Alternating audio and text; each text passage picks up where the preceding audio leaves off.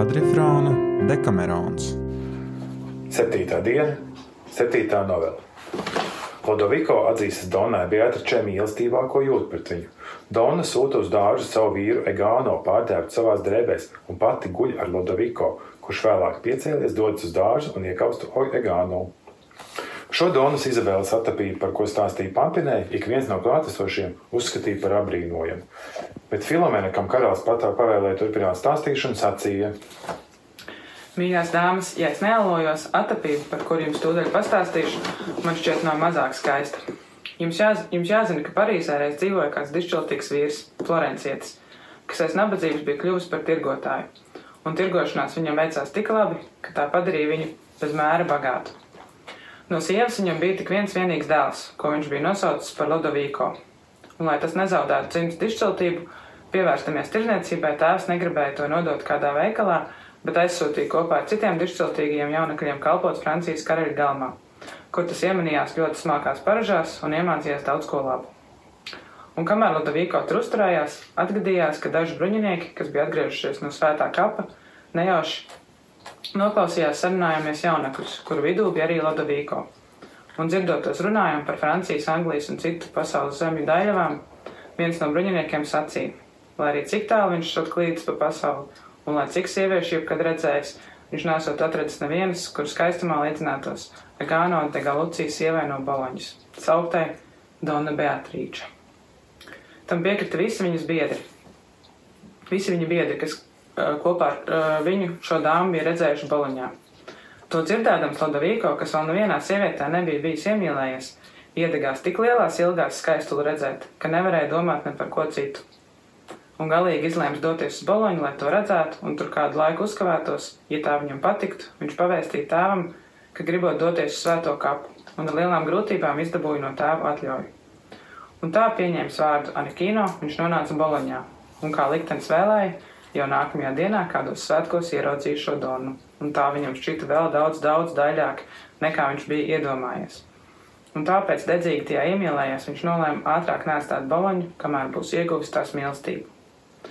Un pārdomādams, pie kāda līdzekļa ķerties, lai to iegūtu, viņš atmetis visus pārējos nodomus, nolēma, ka varbūt izdotos sasniegt to, ko vēlējās, ja varētu kļūt par kalpu tās vīram, kuram bija daudz kalpotāju un tā pārdevis savus zirgus un pienācīgi iekārtojas savus kalpotājus, viņš tiem pavēlēja izlikties viņu nepazīstam.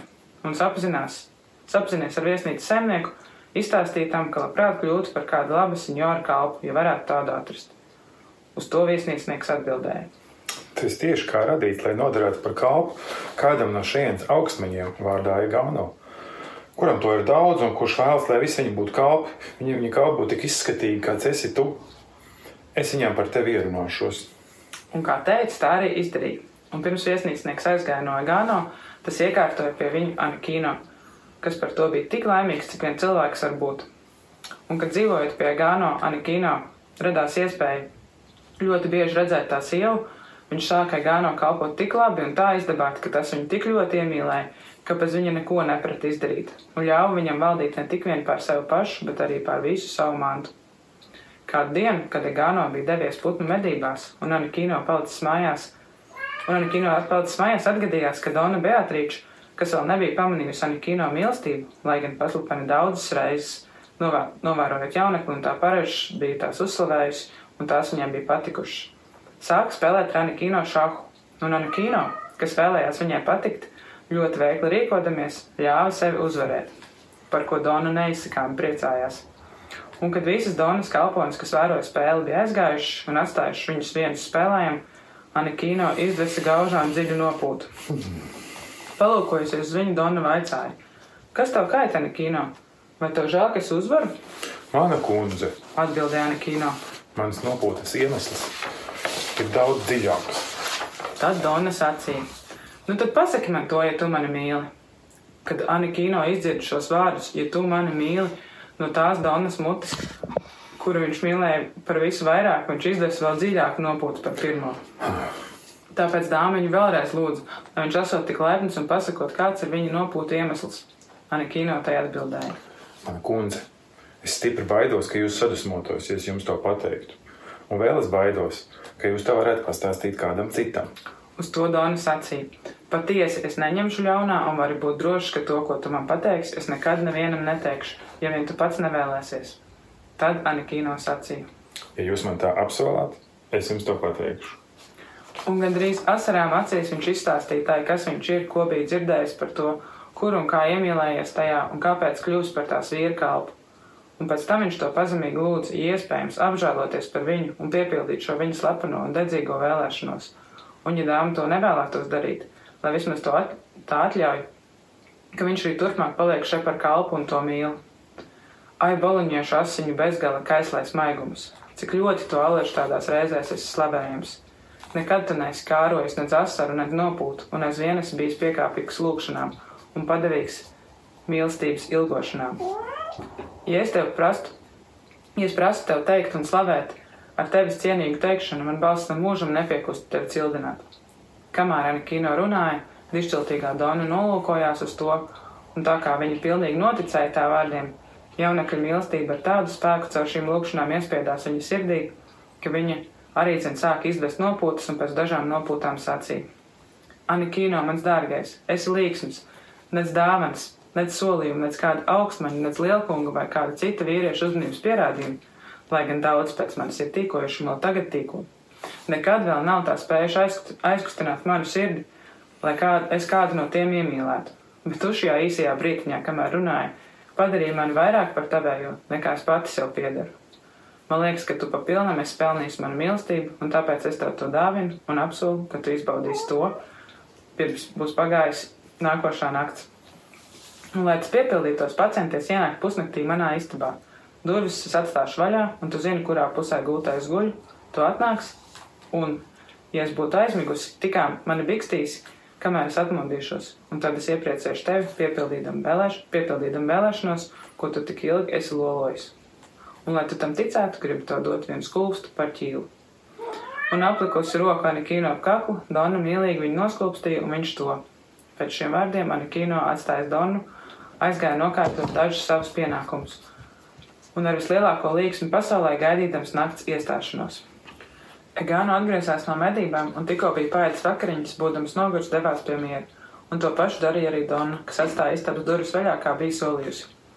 Norādītajā stundā Anikīno atnāca un klusi iegājis istabā, aizslēdz durvis no iekšpuses un piegāja pie gultas tai pusē, kur gulēja Donna, un uzlicis viņai roku uz krūtīm, saprata, ka viņa vēl nav aizmigusi.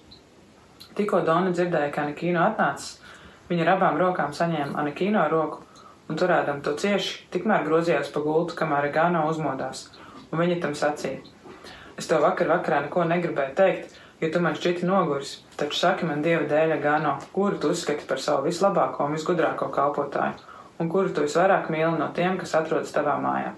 Egāno atbildēja. Sieva, kāpēc tu man tā jautā? Vai tad tu nezini? Man nekā, nav un nekad nav bijis neviena kalpa, kam es tā būtu uzticējies, uzticētos, vai ko es tā mīlētu, kā mīlu Anikino un kā viņam uzticos. Bet kāpēc tu man to jautā? Anikino dzirdēdams, ka Gāno ir pamodies un runā, vairākas reizes bija mēģinājis izvilkt savu roku un aiziet stipri baidīdamies, vai tikai dāmai nav prātā viņu pievilt. Taču dāma bija tos atvērusi un turējusi tik cieši, ka viņš nebija varējis un nevarēja aiziet. Un Dona atbildēja Egāno sacīdama: Es tev to pateikšu. Arī es domāju, ka tā ir, kā tu saki, un ka viņš tev ir uzticamāks par jebkuru citu, bet viņš man maldinājis, jo katru šo aizgāju uz medībām, viņš palika šeit, un kad viņam šķita pienācis īstais laiks, viņš nekaunējās prasīt no manis, lai es izpildot viņa vēlēšanos.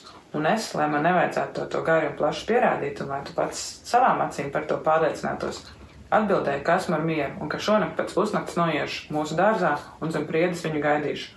Protams, es nedomāju tur iet, bet, ja tu vēlēsies pārbaudīt savu kalpotāju uzticīgumu, tu vari to viegli izdarīt. Uzmet mugurā kādu no maniem apmeķiem, ietin galvu plīvurī un noej lejā un gaidi, vai viņš nāks.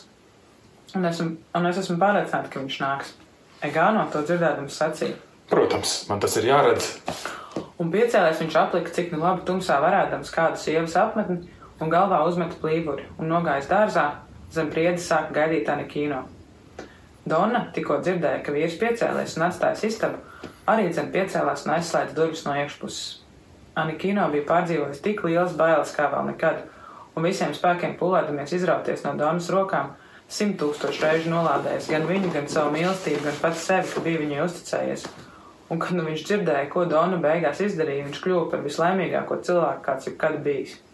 Un kad Dona atgriezās gultā, pēc tās vēlēšanās viņš kopā ar to noģērbās, un abi guva baudu un prieku labu laiku.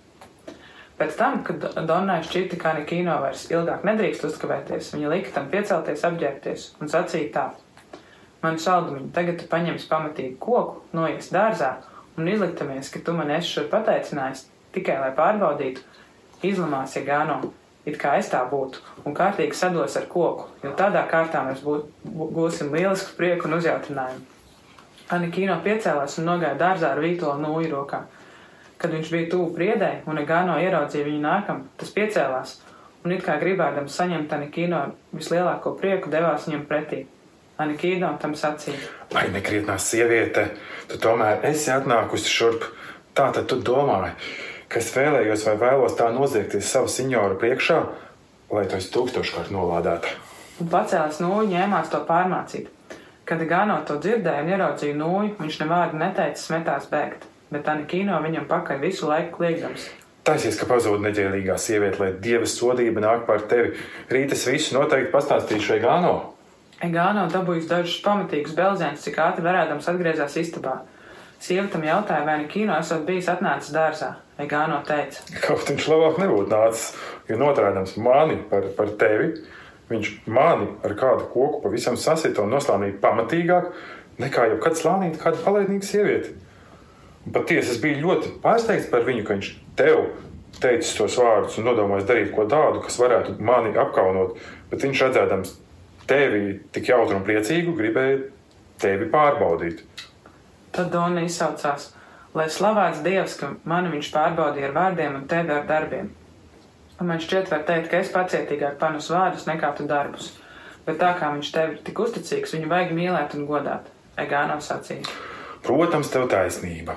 Un tādā kārtā pārliecinājies, ja Gāno Alaša domāja, ka viņam ir visgodīgākā sieva, visusticamākais kalps, kāds nekad nevienam dišciltīgam vīram nav bijis.